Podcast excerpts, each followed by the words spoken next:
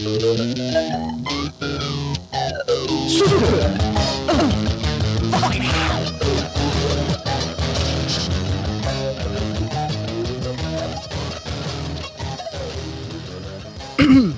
til den gylne sprekk eh, P-cast, folkens. Um, Takk, takk. I dag uh, I dag skal jeg ta en prat med Viviana Vega, kjent under alias uh, Whale Shark Attacks, eh, og også kjent fra eh, bidrag til eh, ymse Metronomicon audioprosjekter, og, og har spilt i en del band. Eh, Vil du si noe om hvilke band du har spilt i, hvis det er relevant? Jeg spilte mange år i Masselys. Og så samarbeidet jeg litt med Ost og Kjeks. Ja. Jeg har gjort ganske mye collabs. Mm. Spilt uh, trommer i noise-bandet Cock of Forts. Ja, som jeg faktisk så live med Viviana på trommer flere år før vi ble kjent. Er det sant?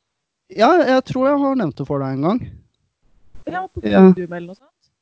Ja, det var, det var på Det var på Hausmania i en eller annen sammenheng.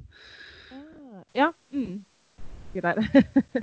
Men ja, så ja, vi har vært på Vi har vært på quizlag sammen en del, og vi har vel spilt konserter der eh, Trist pike har varma opp for Wales Shark Attacks, eller omvendt. Eh, eller vi bare har delt plakat på en festival ca. en milliard ganger, tror jeg. Ja, ja. Jeg har lært at det lønner seg å ikke spille etter Trist pike, i hvert fall. Det Ja, ikke sant? har jeg lært. Alle lærer det etter hvert. Vi har jo til og med vært i utlandet sammen, vi. Ja, ja. Vår første utenlandsgig var, ja, var med deg, og det var, det var opplegg. Eh, England, altså. Det er så, jeg bare England. Ja. Ja, ikke sant. Det snart åpner Buckfast-fabrikken igjen. Jeg har faktisk jeg har hørt på den eh, 'Selling in England by the Pound'. Sånn I hele dag. Ja, veldig sterk LP, altså. Ja. Og jeg har en spesiell er veldig sånn ja. Mm. Men eh, ja, nei, det vi skulle snakke om i dag, er vel egentlig Du har jo drevet og blogget for Det eikmanske bibliotek i det siste. Um, og skrevet, skrevet litt greier på musikkbloggen. I dag er det 1. mai, det kommer det jo ikke til å være når episoden kommer ut. Men i den forbindelse, du hadde akkurat skrevet noe om søramerikansk eh, protestmusikk. Eh, nærmere bestemt chilensk, da. Ja, ja, ja. Mm. Det var en sånn bevegelse som het Nueva Tension, da, som betyr ny sang. Mm. eh, som eh, foregikk på liksom 60-70-tallet. Og det var liksom Du kan si det var parallellbevegelsen til det som foregikk i USA på samme tid. Bare mye mer beinhardt og mye bedre. Mm. Bra musikk, rett og slett. Ja, mer spennende sånn rent musikalsk, eh, har jeg skjønt. Jeg har ikke fått lest den saken ennå, men jeg har den åpen i en fane i nettleseren, selvfølgelig. Sjekk ut uh, playlisten, altså. Og det er jo selvfølgelig mm. en ekstra bonus å forstå spansk, fordi det er veldig, veldig bra tekster. Uh, Mm. som er liksom både Noen er veldig sånn straight up politiske, men det er også veldig mye humor og veldig mye sånn poesi i det og sånn, da. Ja, ja. Det er sånn det er, Hvis det er en type musikk som får meg til å hylgrine sånn uten forvarsel, så er det, så er det den, da. Mm. Ja, nei, da går jeg jo litt glipp av tekstinnholdet, sikkert, men eh, Ja, nei, jeg har eh, sittet og brukt eh, i anledning 1. mai sittet og hørt på litt uh, svensk protestmusikk fra 70-tallet. Ja, er. Der er, der, er der er det også mye tøft, altså. Ja. Knutne nevar spesielt. Ja, det må jeg sjekke ut. Ja, de har en låt som heter eh, som Vi har gjort en tradisjon å dele fra Trist pike Facebook-siden hver 1. mai, som heter eh, 'Det er noe konstigt med friheten'. Ja, Um, som er tiltalende. Ja, det er utrolig presist. Altså, det er den mest dagsaktuelle sangen jeg vet om den dag i dag, tror jeg. Er det litt sånn parallellåta til 'Freedom of Choice', kanskje? Det er det absolutt, altså. Ja. Det, herregud, det tenkte jeg ikke på engang. En uh, veldig god Segway inn i det vi Ja, ja. faktisk skal snakke om i episoden nå. Fordi du har jo skrevet, du har jo skrevet nylig eh, blogginnlegg om eh, to veldig sterke og veldig unike grupper som jeg også er veldig glad i, nemlig Devo og Type O Negative. Um, som er Jeg tenkte jo først og fremst bare at begge de hadde vært gøy å snakke sammen om, men med en gang vi så litt på det, så ble det jo tydelig at det er ganske mange interessante paralleller mellom de gruppene, egentlig. Ja. Um, for det er jo ved første En, en litt sånn umiddelbar uh, ting man kan merke seg, er jo at begge er liksom sett på som veldig på en måte tidstypisk og en del av en bevegelse, da henholdsvis liksom Devo uh, som en del av new wave-sjangeren og uh, Type O som en del av liksom 90-talls goth. Men begge føler jeg i veldig stor grad er noe helt eget og um, egentlig noe mye større enn bare den, uh, den bevegelsen de var en del av, da. Ja, jeg har egentlig følt at de er litt sånn på utsida, ja, for de har Mm. eh, Da jeg var yngre, så så jeg på alltid sånn history, rock and roll, og jeg hadde vel litt sånn klar tidslinje og sånt. Mm. Og jeg, jeg syns på en måte at både Divo og Typo eksisterer utafor den tidslinja. Ja, ja. Det er sånn, du kan si Typo var jo i samme, på samme linje som sånn Sisters of Mercy, kanskje, og sånn, men, men det er noe helt eget, da. Ja, fordi de passer liksom inn i både goth-greia og det eh, liksom 90s 90-talls alternative-greia, men de Ja. er noe helt eget også. De er jo Det kan vi gå nærmere inn i senere, kanskje, at de er jo en Ja. veldig unik gruppe, og jeg føler jo at de er veldig på siden av uh, goth metal i liksom den bredere forstanden, da. At de er noe veldig unikt utenfor bare den sjangeren. Og så har de liksom også appellert til sånn macho metal-scene også, liksom. Så Mm. det, veldig- det syns jeg er veldig gøy, da. At de appellerer til veldig sånn litt forskjellige folk. Mm. Ja. Så jeg, jeg vet ikke helt hvordan vi skal gjøre dette. Om vi skal gå gjennom én og én gruppe, eller bare gå rett på uh, sammenligningene. Vi kan jo Ja, nei, godt spørsmål. Uh, om vi skal ta playlisten som utgangspunkt? Ja, for det kan vi jo egentlig gjøre. Det er jo Jeg hørte gjennom eh, i, Ja, i går så hadde jeg, jeg hadde hørt masse på Type O Negative, bare sånn eh, fordi det var en stund siden sist jeg hadde hørt på det, og det mm, føltes bra å sitte og eh, det, det føltes som en god idé å sitte og høre litt på dyplytte og reflektere over det. Um, men så tok jeg og hørte gjennom den spillelista du hadde lagd også. Uh, skal vi se, jeg må finne den opp på mobilen her, så jeg kan se akkurat hvilke låter som var på den. Um, jeg syns den var veldig godt sammen, eh, satt sammen i liksom dynamikk eh, og rekkefølge, og du sa jo du hadde sortert litt etter stemning. Ja, jeg prøvde Altså, det var veldig gjort ganske raskt. Men jeg tenkte hvis du skulle lage et slags DJ-sett hvor du hopper litt fram og tilbake i tid og Mm. og sånt. For det er jo det er ikke liksom bare bare å mikse Devo inn i typo, liksom. Mm. Men jeg Det føler er Finnerledd. Ja, jeg føler eh, den overgangen mellom de to er overraskende sømløs, altså. Ja. Uh, ja, og da valgte jeg jo den låta uh, Devo-låta 'Triumph of the Will'.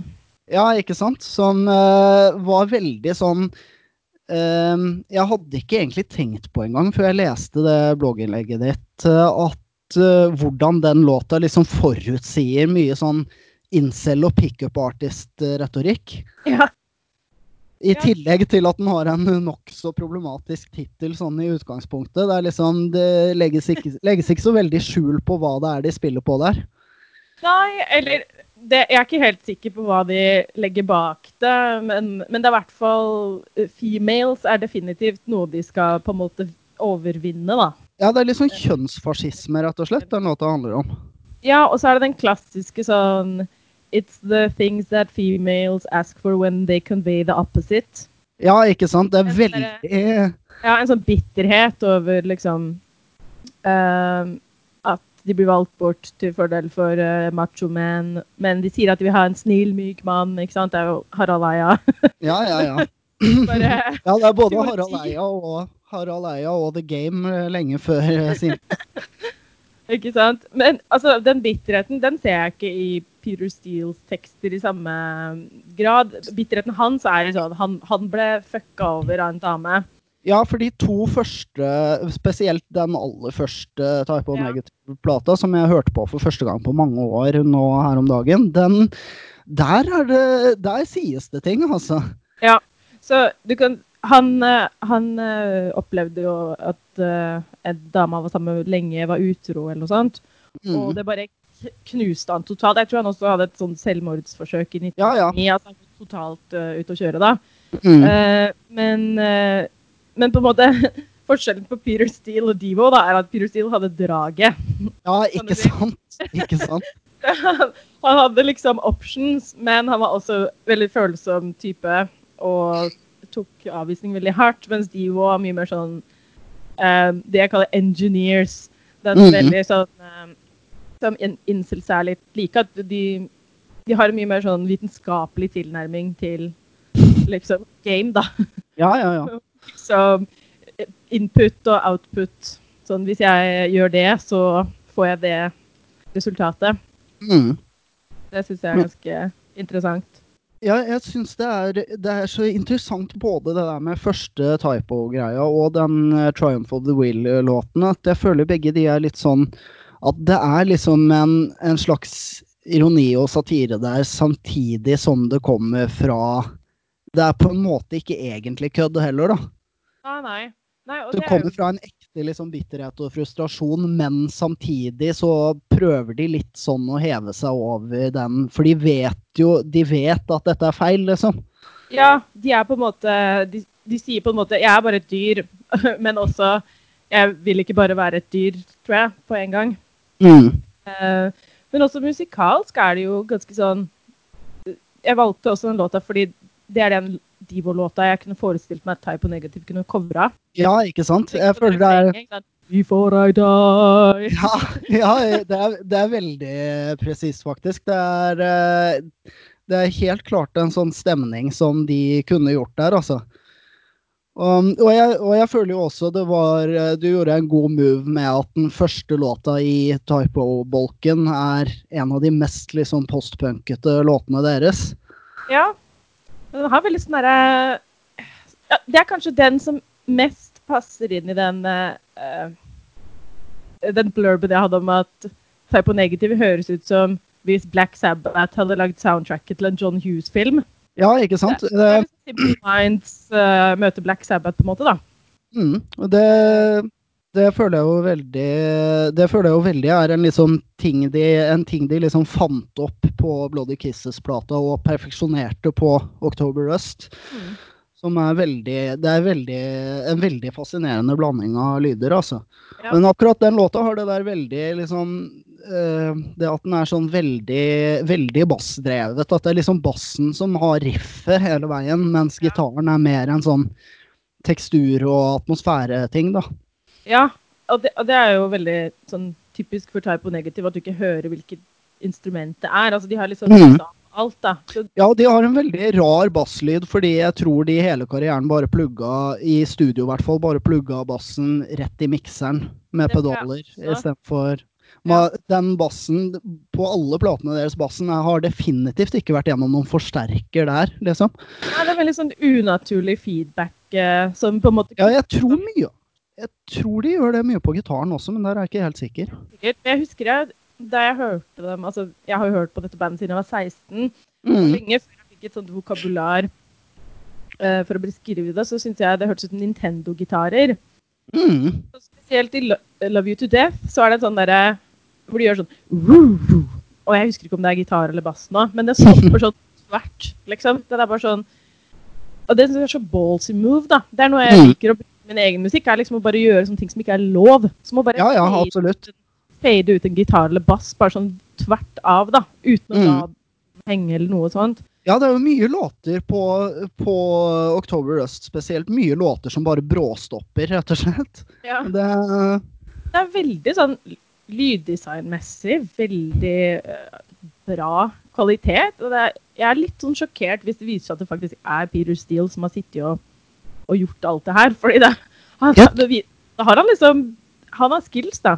Ja, jeg har skjønt at Jeg, jeg har litt uh, følelsen av at altså i, Selv om en annen, en annen, fin ting med Type Negative er jo at selv om selv om Peter Steele jo er en veldig sterk personlighet og den klarer liksom visjonærene i bandet, så har de jo flere sterke hemmelige våpen, føler jeg. Både i form av har, De har veldig mye bra backingvokal, syns jeg. Det er vel, ja. Så vidt jeg har skjønt, er det gitaristen som synger mye av de harmoniene og ekstravokalen, ekstra da. Ja. Um, er det jo faktisk, når jeg tenker meg om, det er vel Josh Silver, han som spilte Sion, ja. som har vært produsenten også.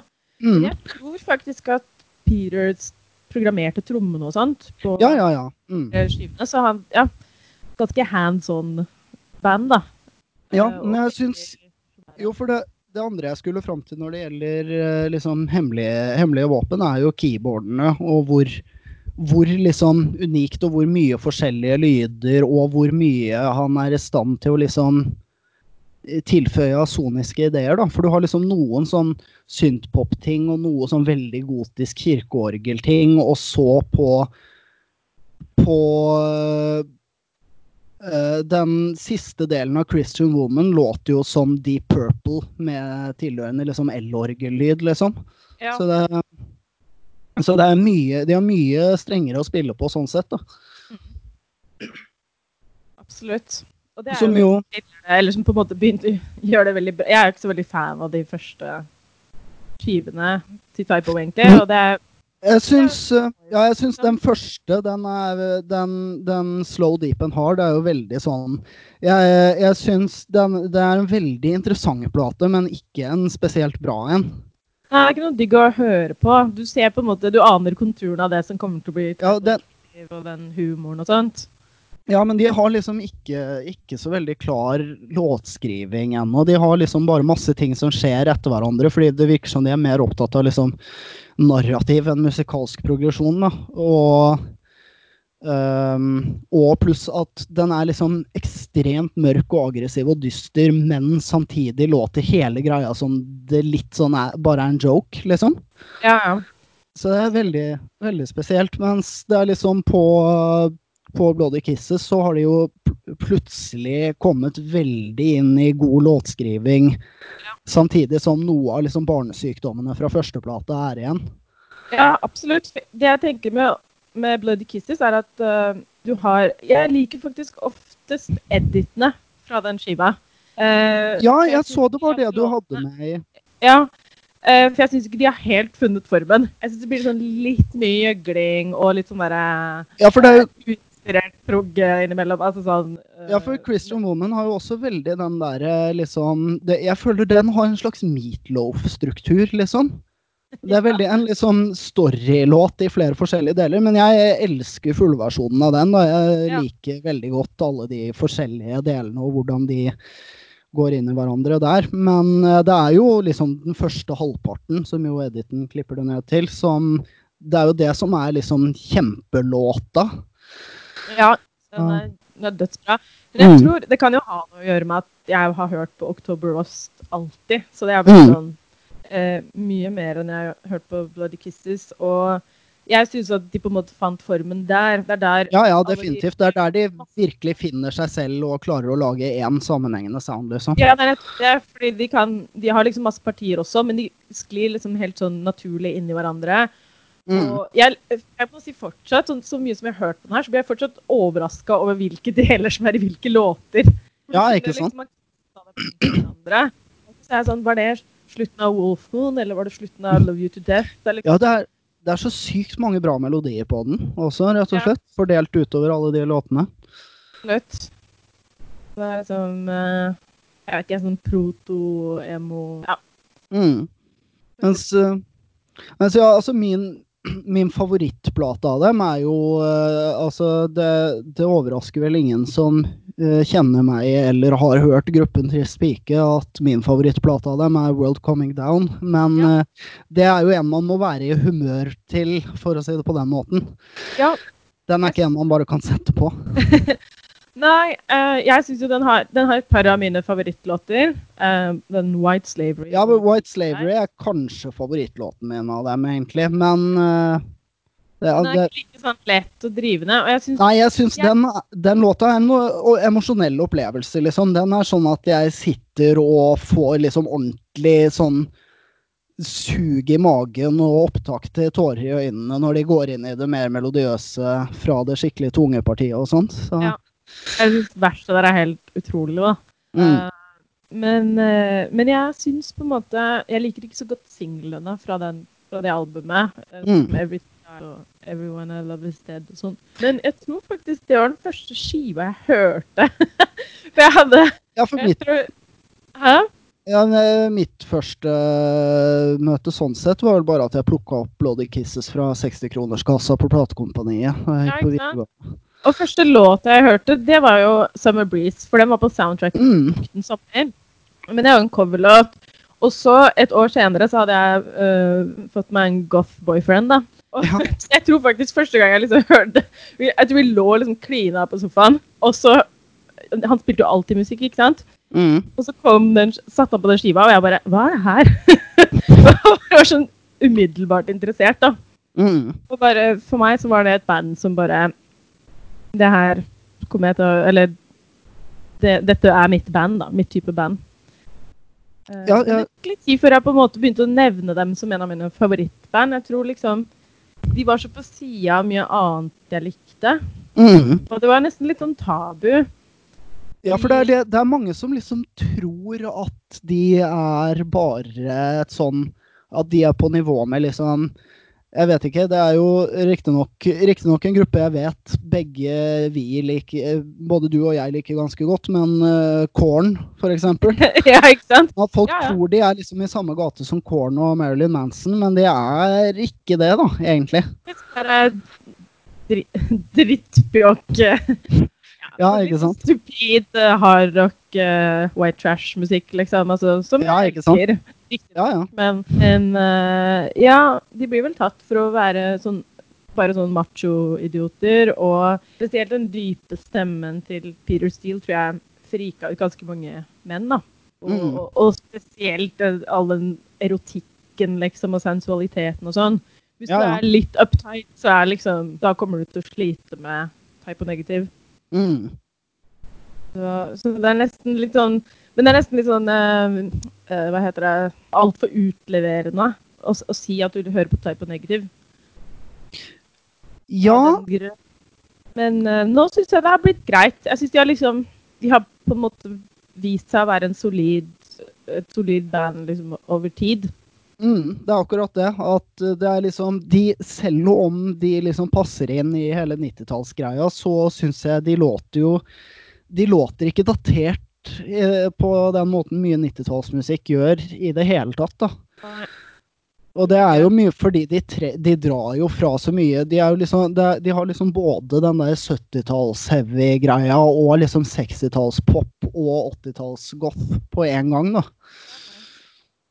Og samtidig kunne blitt spilt på sånn uh, Headbangers Ball på 90-tallet. På Mm. Og ta liksom inn i den greia der, da. Jeg Mm. tror folk kicka skikkelig på sånn Black Number One. At du har det der Adams Family. Ja, ja. Vet du hva? Det la jeg helt seriøst ikke Jeg hadde ikke lagt merke til ordentlig før jeg hørte på den plata i går at keyboardet spiller Adams Family-låta på det ene brekket der. Ja, det hadde vært veldig Eller Ja, noe sånt. ja, det må jo være med vilje, liksom. Jeg føler jo hele den låta er jo veldig en litt sånn parodisk oppsummering av hele den subkulturen. Ja, og jeg tror uh, Adams Family 2, kanskje, filmen, Mm. kom ut rett før Bloody Kisses, muligens. Uh, Mm. men- det var bare noe jeg tenkte på her om dagen. Bare, jøss, de filmene kommer jo ut omtrent samtidig som Bloody Kisses. Men jeg syns liksom Adams Family er mye mer sånn typisk 90-talls. Men jeg får Ja, jeg har ikke sett dem. Jeg har, Det er så bra. Ja, for jeg har eh, bare sett på Jeg vokste opp med tegnefilmserien på Cartoon Network, men Ja, uh, filmene har jeg ikke sett. Ja, de er kjempesterke, men, uh, men de er veldig 90-talls. Men jeg syns ikke Type Neg- Negative er veldig 90-talls, da. Nei, de er ikke De er rett og slett ikke det, altså. har vært lagd i dag også. Mm. Uh, ja. Ja, det, det mest 90-talls med dem egentlig, er at de liker å ha sånn uh, køddete interludes på platene sine. ja. Og har kjempelange En full CD hvor det er lange låter og masse interludes. Det er jo noe de deler um, Det er jo noe de deler med en annen uh, et annet utskjelt band uh, både du og jeg er glad i, nemlig Tool. Eh, ja. Ja det er men jeg føler de Men det er også, også litt sånn rap og R&B og sånn. da. TLC ga jo vel ut Crazy Sexy Cool 94 eller noe, tror jeg. 93 Ja. eller 94. ja, Det det også er en flust av interludes og Det er tulle telefonsamtaler og Skits må man ha, altså. Jeg, sy- Ja, ja. ja, jeg syns jo det er eh, Jeg syns jo det er um, grunnen til at det er grunnen til at jeg har liksom ikke så mange hiphop-plater jeg ville inkludert i liksom all time favorittalbum. Det er fordi de er for lange, da. Det er, Ja. det er liksom for overfylt CD, liksom. Så man blir lei før den er ferdig, og det Det syns jeg kan være et problem, da. Men eh, ja, men det blir litt på siden. Men jeg kom på en annen ting som er interessant, både liksom apropos 90-tallet og apropos første møte med grupper, er jo det der med soundtrack som arena for uh, musikkoppdagelse. For du Ja. har jo både nevnt det, Du har nevnt det så vidt nå, tror jeg, og skrev jo i den posten din at første gang du hørte Type O Negative, var på soundtracket til I Know What You Did Last Summer. Ja. Um, og jeg kom på faktisk, det slo meg plutselig uh, i går, at jeg kom på første stedet jeg hørte Devo, var på uh, South Park uh, Chef Aid-CD-en. Er det sant? Ja. Jeg, jeg husker den TV-en. Det var den med chocolate salty balls, ikke sant? Ja, jeg har uh, jeg, jeg tror Jeg har den ikke tilgjengelig, men jeg tror den ligger i boden til faren min et eller annet sted. Den gamle CD-en min der. Var der, husker du det? Det var en ny en de hadde lagd for anledningen, tror jeg, da de nylig hadde blitt eh, gjenforent på 90-tallet. De har jo øh, De fikk jo sånn revival på 2000-tallet også med Wes Anderson-filmene òg, da. Ja, ja, for det, er, det, var en, det var det jeg tenkte på først, nemlig at eh, ja, kjæresten min, eh, Marit, hun uh, oppdaga jo Divo via uh, Life Aquatic-soundtracket. men, dette, men den South Park-CD-en, det var vel eh, sånn 2000 at den kom, tror jeg. Ja. Um, om ikke litt tidligere, til og med. Så det er, men jeg, jeg husker, jeg har ikke hørt den låta til Divo derfra på evigheter. Da. Det har jeg ikke hørt siden jeg hørte på den CD-en da jeg var 10-12 år, uh, tror jeg. Så jeg husker ikke hvordan den går, eller hvordan den er, men jeg husker at jeg syntes det var rart og ikke skjønte noe av det da jeg var liten, i hvert fall.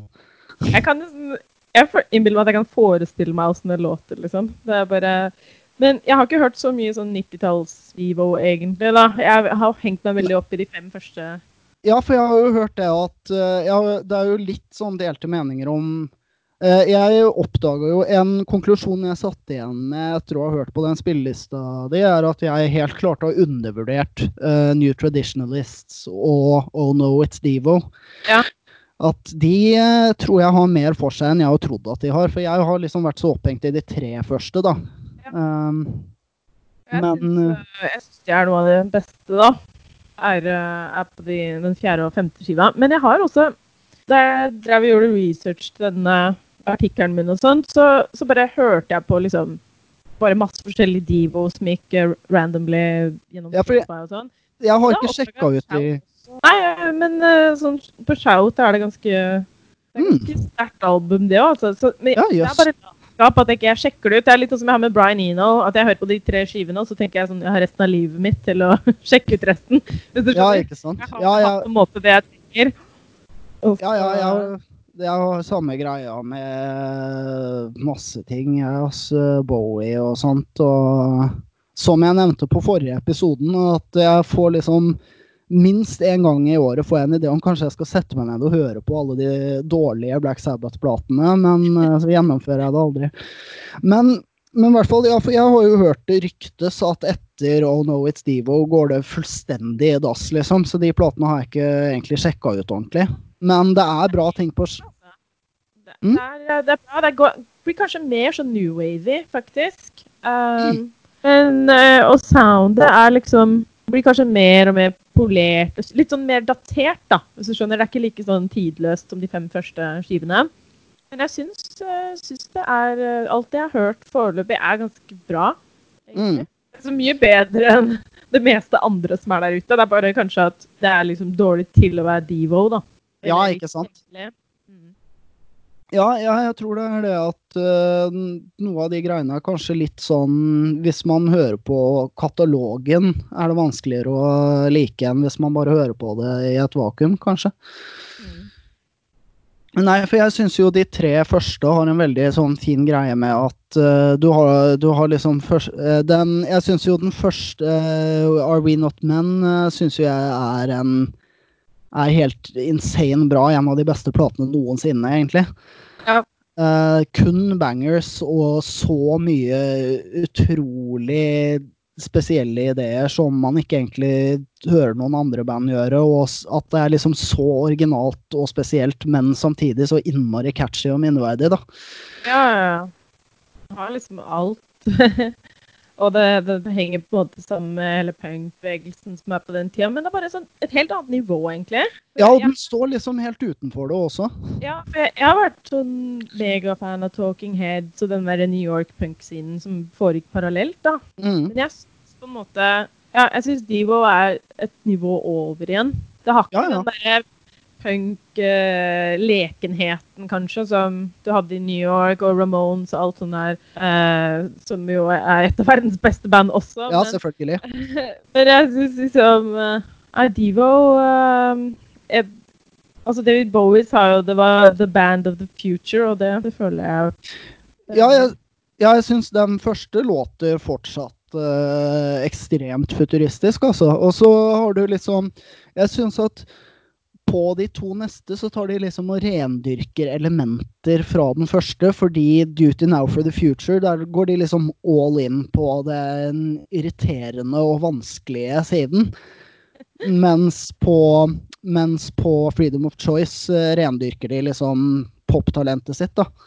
Ja, og da blir det jo mye mer sånn synt-orientert også. Jeg må Mhm. innrømme at jeg, den, den plata som, av de fem første som gjør at jeg føler minst, det er faktisk 'Freedom of Choice'. merkelig nok. Mm. Det, det var det som gjennombruddet deres, og jeg veit at Divo var ganske sånn misfornøyd med 'Duty Now for the Future'. Men jeg Ja, det syns jeg er interessant. Altså, jeg, jeg, syns, jeg syns den er litt ujevn, den plata, men jeg liker den veldig godt og syns den er veldig interessant, da. Ja, det har i hvert fall noen låter. Uh, Jeg syns- Det er jo kanskje litt sånn fortsettelse av Mongoloid på mange måter. Mm. Ja, men- Mongoloid er jo min favorittlåt jeg, syns Jeg syns er liksom enda tøffere. Og jeg, jeg syns The Day My Baby Gave Me A Surprise er litt sånn derre Det er litt mer sånn old school pop. eh, uh, uh, uh. Det er veldig sånn 50-60-talls uh, popstruktur på det. Men jeg bare syns det er så bra sånn eh, fil i stemmen til liksom Mark Mothersbo. En eh, interessant ting jeg la merke til når jeg hørte gjennom spillelista, di, er at du og jeg har veldig forskjellige favorittlåter fra Duty Now for the Future. Ja, nettopp. Eh, Jeg liker best de der skikkelig knotete og aggressive og proggete tingene fra den. Liksom, det er jo eh, Wiggly World og, og For den Jeg syns trommespillet er så jævlig aggressivt. på Hele den låta tar jo fullstendig av, egentlig. Og så syns jeg liksom den Strange Pursuits, hvor du har liksom den der grooven som bare stopper opp og bare liksom stopper opp hele tiden, så det er liksom umulig å få ordentlig tak på den. Og, og ikke minst da uh, Swelling Itching Brain, som går veldig hardt på bare ubehag-tingen, liksom. Ja, jeg liker nok de mest sånn koselige låtene derfra, kanskje. Eh, Mm. Melodiske. Eh, men jeg syns på en måte jeg fikk nok av det, det du nevner, da, eh, Ja. i første albumet. Mm. Så, så jeg liker på en måte at de har gått litt til lage gode melodier og sånt eh, på andre skiva.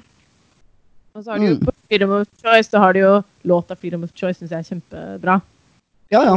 Og Whip It er jo gjerne den låta som drar deg på en måte inn til bandet. Ja, for jeg syns jo det at Whip It er jo fortsatt en Altså, selv om den, den blir liksom Den er jo litt sånn Føles litt teit å kalle den en favoritt, men den er jo skikkelig, skikkelig bra. Absolutt. Så jeg tror grunnen til at ikke jeg la den inn i lista mi, er vel bare Ja, For liksom obvious, liksom. ferdig med den, liksom. Ja, eller eh, Jeg har hørt på den så lenge, så, Mm. så etter hvert som du på en måte begynner å oppdage mer av katalogen og sånt, så, så skiller den seg ikke så mye ut lenger, kanskje. Mm. Men jeg syns, jeg syns en som du hadde med der, som vel også var en i hvert fall semi-hit fra den plata, er jo uh, 'Girl You Want'. Den syns jeg er Ja. dritfett. Ja. Den, er- den er veldig tøff. Den likte jeg også. Det tror jeg var den første jeg digga skikkelig av dem, faktisk. Jeg kjøpte bare Mm. sånn samleplate som het Hot Potatoes. Mm. Og da hadde jeg jo null sånn historisk kontekst. Jeg visste ikke hva de var mest kjent for og sånn. Jeg hadde hørt Mm. Og var nysgjerrig. Og da hørte jeg veldig mye på Girl You Want. Men også den som jeg åpner lista med, Ja. eh, Be Stiff.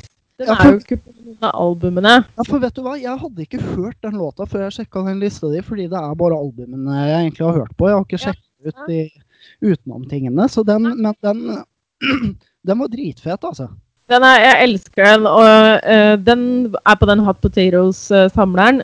Mm. Men jeg, jeg tror den egentlig ble spilt inn omtrent samtidig som førsteskiva. Jeg Og den ble gitt ut på en EP, og jeg aner ikke hvorfor ikke de har den med på første skiva. Om den kom Ja, det er rart. Fordi jeg syns det er den kanskje en av de sangene som oppsummerer Divo best. da.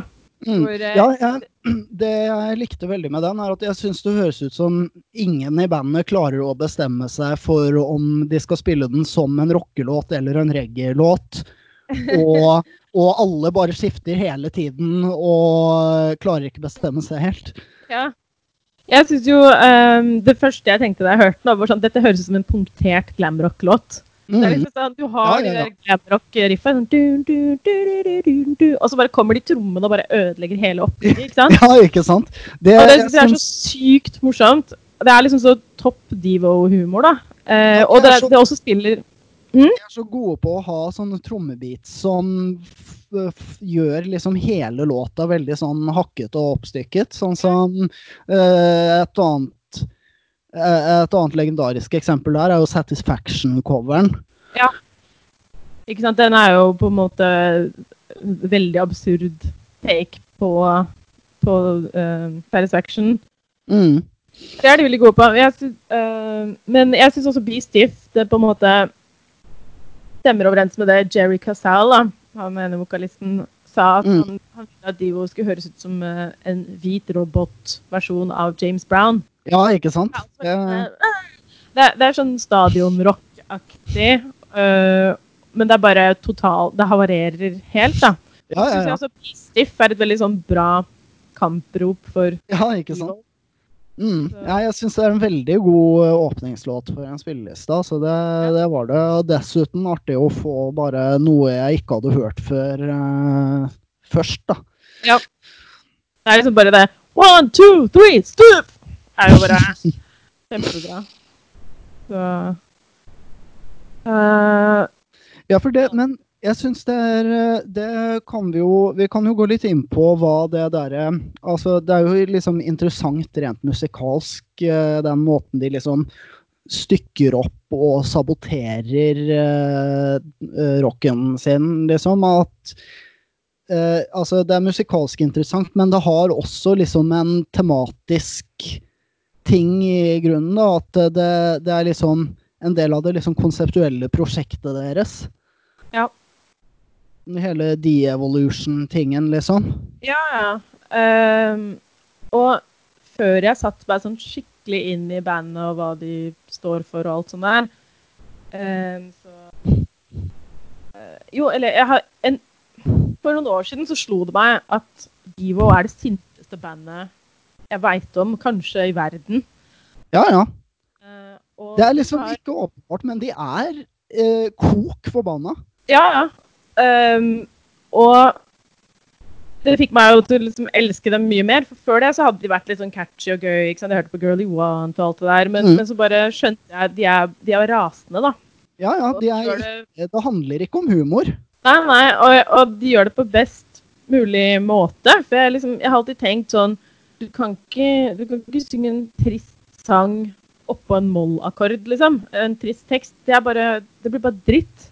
Ja. Det beste du kan gjøre for å vise liksom at du bare ønsker at verden skal ta fyr, altså, jeg mener, er, å, er å lage en liksom catchy låt med masse sånne kapitalismevennlige slogans, liksom, og bare Mm.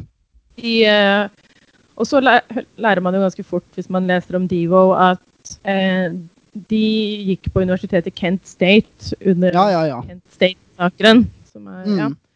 Jerry Casal, han, han løper jo fra liksom disse nasjonalgarden uh, ja, som drev og skøyt etter studentene, og så liksom venninna si bli skutt. Han så liksom det, det er beskrevet i boka at han liksom han så det exit wounds, eller bare sånn Herregud. mens han løp. Så, um, så i utgangspunktet, ja, så, hadde, så var liksom Devo et sånn Både Mark Mothersbaugh og Jerry Casal studerte kunst og var veldig sånn absurde og kontrære tidlig, men det var liksom Da våkna de, da. Mm.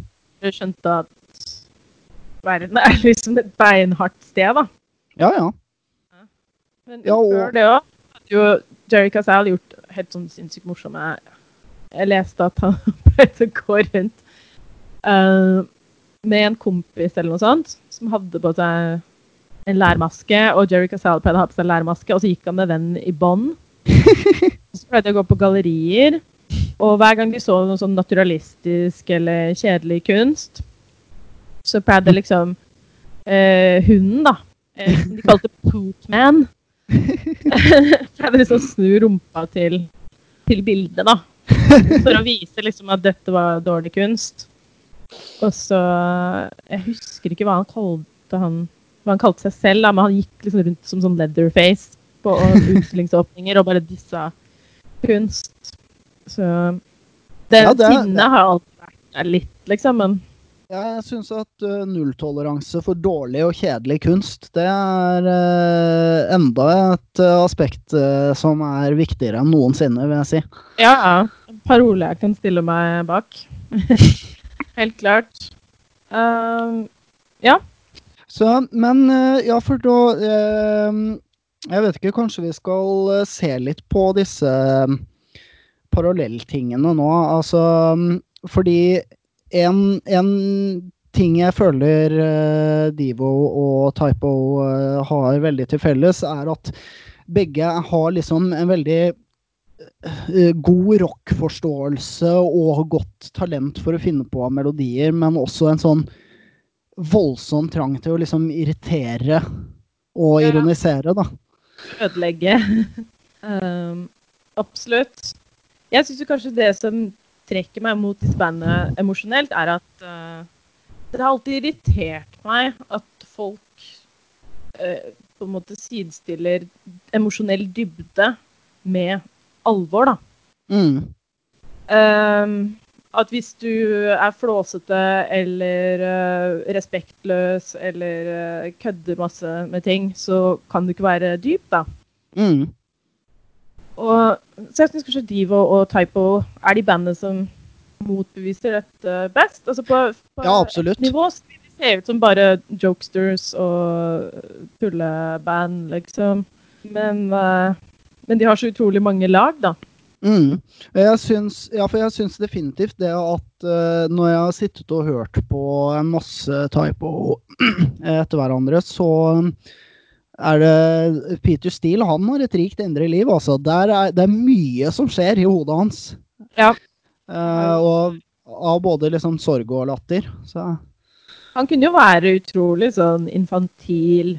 Uh, veldig sånn gutte-prompehumor og, og appellere til liksom en The Boys, liksom. Ja. Eh, men han har også sagt, fordi han vokste opp med fem søstre, at han egentlig var veldig sånn følsom og var veldig liksom, eh, mm. av kvinner og, og det, det kvinnelige, kanskje også i seg selv. Mm. At han lærte tidlig at du kan ikke miste ansikt da, overfor andre menn. Liksom Mm. At du, må- du må på en måte vise deg som den dominante alfahannen. Så veldig mye av, av, eh, av humoren i Typo føler jeg er litt også sånn der brusing med fjærene, da. Ja, det er veldig interessant, egentlig. Det der med at du må liksom ha en litt sånn Altså hvis, hvis du bare er følsom uten å ha eh, noe liksom kødd rundt det også, da er du homo, liksom. Ja, jeg tenker det Jeg føler at liksom Peter Steele signaliserte sånn derre Du vil ikke kødde med meg i fengselet, liksom. Mm. Sånn derre Du mister såpa, ikke jeg. Ja, ikke sant? Ja, eh, litt sånn. Eh, han satt jo inne også en stund. Mm. Han var jo veldig opptatt av å liksom påpeke sånn Ja, men jeg er to meter høy, liksom, så det går bra. Ja ja, selvfølgelig. Eh, så han er liksom Han er på en måte litt den dominante alfahannen som Divo er bitter på, da. Ja ja.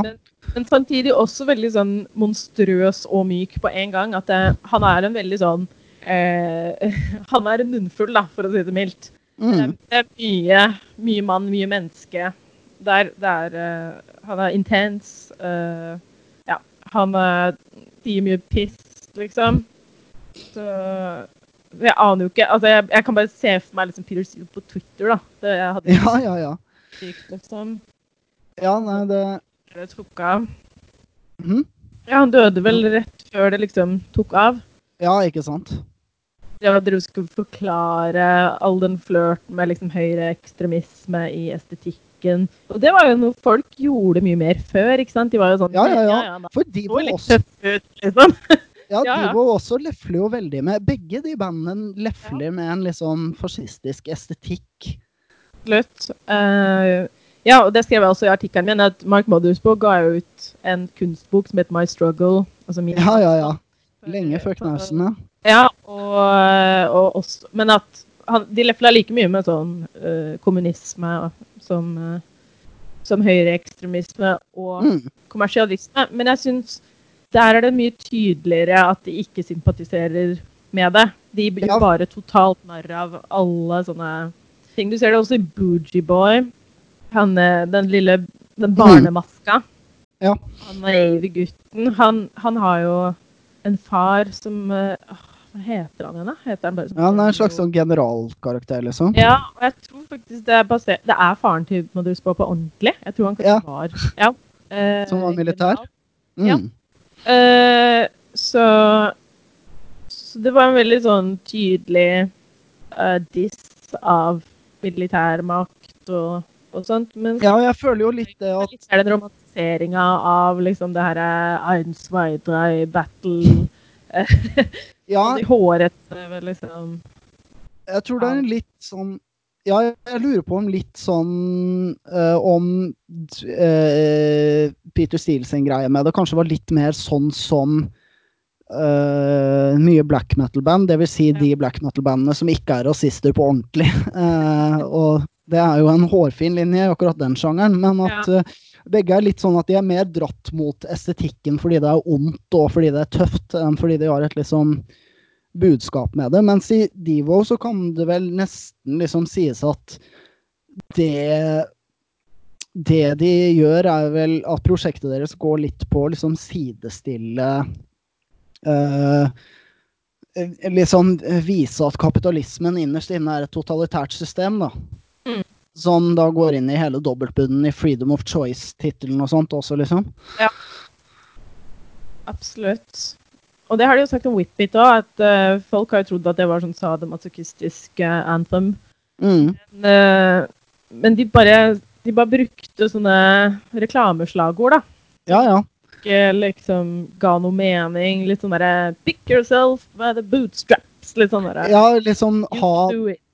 Ja, ta det der liksom styrke på eh, Fokuset på individet og styrke, som er en veldig underliggende ting i eh, I amerikansk liksom kapitalisme, og for å ja, for å låne en frase jeg ser mye i den politiske diskursen for tiden, eh, si eh, 'saying the quiet part loud'. Ja.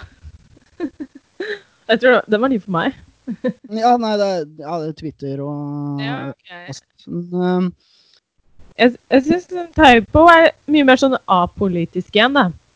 Ja, for det er jo egentlig Det er jo eh, i, i den grad det er noe politisk innhold der, så har du jo en Det er jo en nokså problematisk låt om eh, Ja, som jeg som har uh, gått på trygd mye av mitt voksne liv, faktisk Ja. ble litt ukomfortabel på ordentlig av å høre på.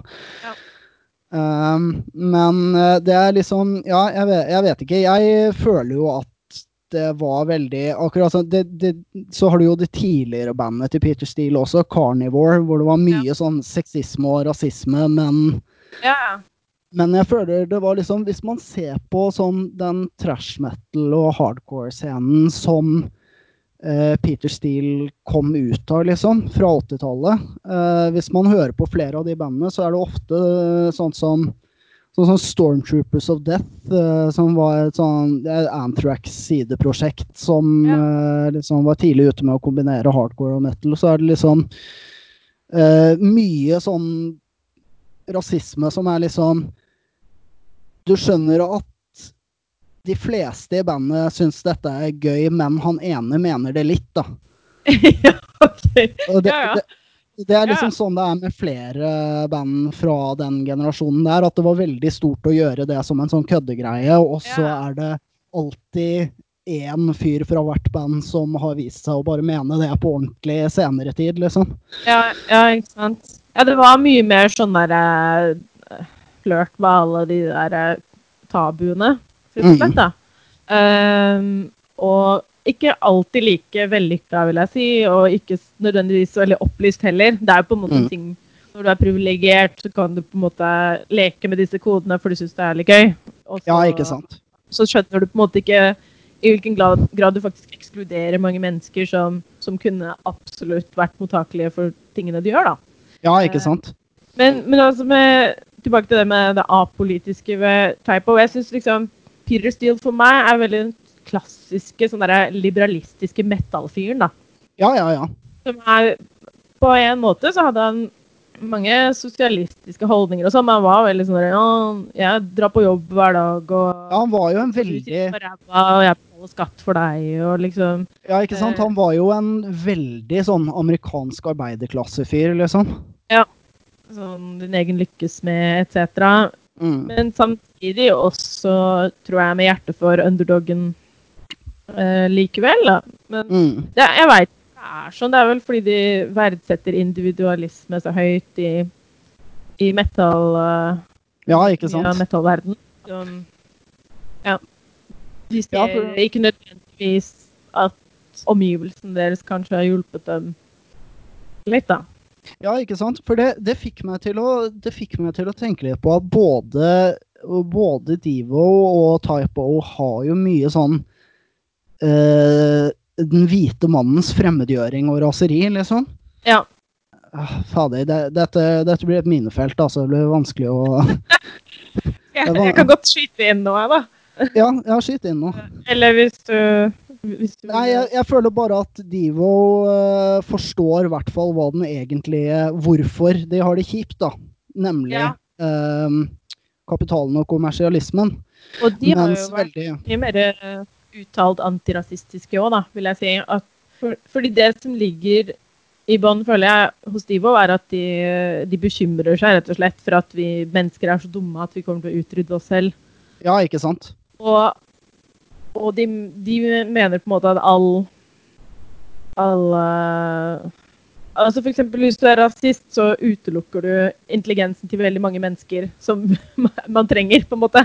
i Ja, verden, sant. At det er, liksom, det er en synd mot eh, evolusjonen å utelukke grupper basert på hudfarge eller kjønn og sånt. Jeg tror de var mye mer sånn eh, pro smarte folk, først og fremst, og antidumme mennesker uansett.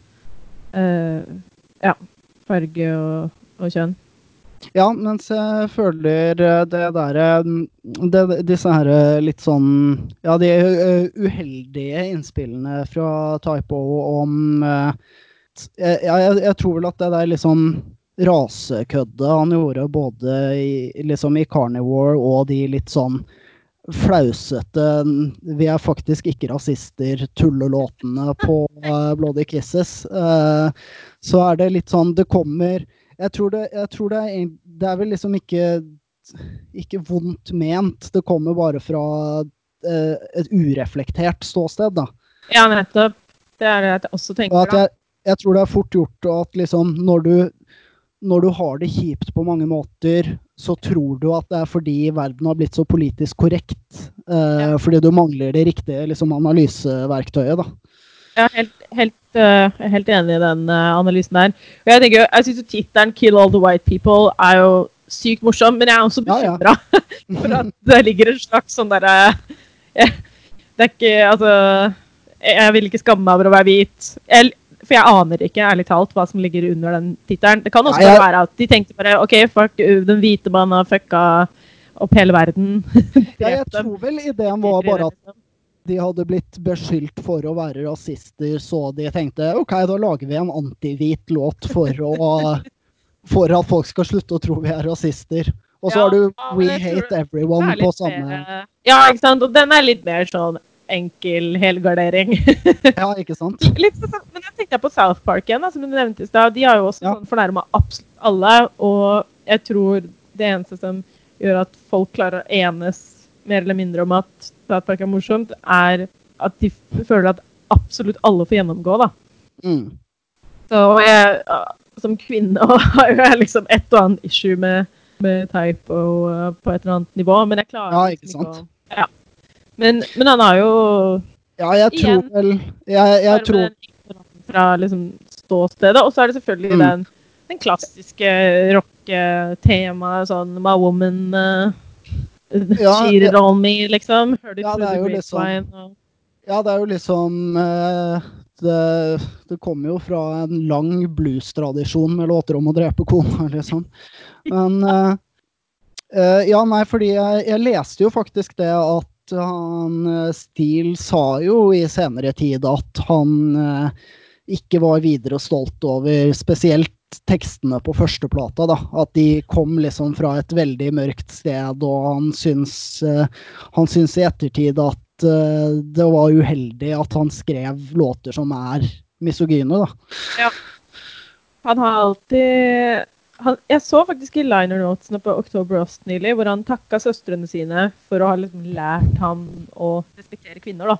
Ja, ikke sant? Uh, så jeg tror nok sånn i utgangspunktet så var han en mann som hadde mye mer sånn uh, medfødt respekt, kan du si, da.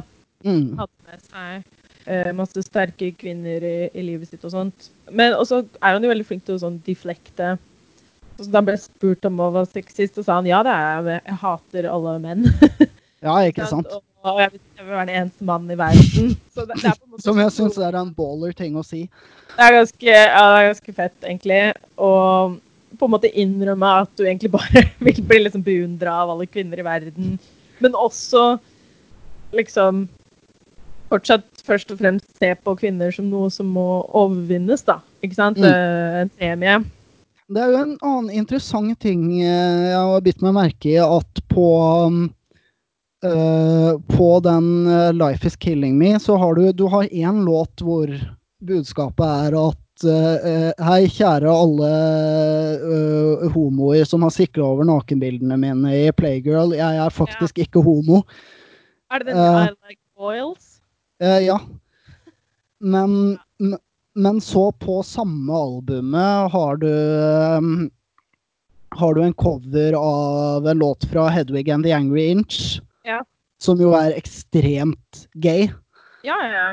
Uh... Så, det, så det syns jeg vitner om en uh, Ja, han, han, er jo en kompleks fyr full av selvmotsigelser, rett og slett.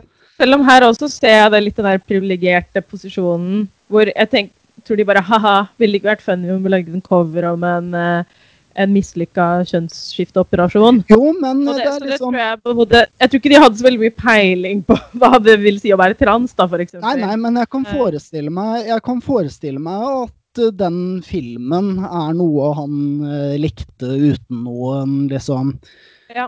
ironi. Absolutt. Ja, altså, jeg elska den filmen da den kom ut, og den er veldig sånn ja, det er veldig mye til den rock Jeg tror jeg, drømmedom, s- liksom. Ja. jeg, jeg tror jeg var for ung til å skjønne greia da jeg så den, så jeg må ta et gjensyn med den. Ja, ja. Den er sterk. Altså, til å være mu musical. Jeg hater jo egentlig musicals. Ja, jeg også. Vet uh, mye for seg. Uh, nå tror jeg ikke de ba Jeg, jeg jeg blir overraska hvis de ba om tillatelse til å komme til den, da.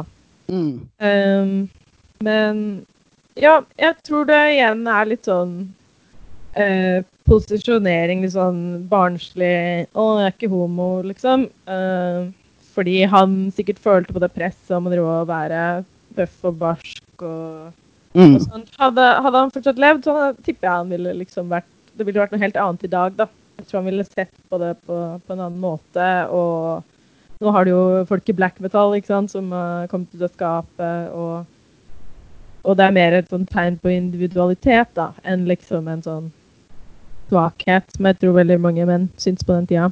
Ja, ikke sant? Så en, en annen inter interessant ting jeg vet, jeg vet ikke, kanskje vi må Nå har vi snakka en time her, så jeg tror vi må begynne å runde av. Det er jo fortsatt mer å ta av om begge disse bandene. Ja, ja. Um, Husk å trykke record, ikke sant? Ja, det, det Takk og lov. Ja. Um, men uh, ja, nei uh, Et punkt hvor uh, Peter Steele kanskje var forut for sin tid. Uh, låten uh, uh, 'My Girlfriend's Girlfriend'. Ja. For det er jo både, både biseksualitet og polyamori er jo veldig pop for tiden. Eh, ja, men det er også liksom sånn derre eh, I got many girlfriends, liksom. Ja, altså, Jeg tror vi Heter ikke Var ikke det noe sånn et eller annet lesbian choir som korer på den skiva? jo, jo, på alle platene deres. Ja, ikke sant? Det er, det er jo helt sånn topp å bare smykke seg med, med vakre lesbiske damer. det, det er liksom ikke noe sånn uh, uh, progressivt idé, da. i selv om Nei, det jeg- nei, det er ikke, det er ikke spesielt.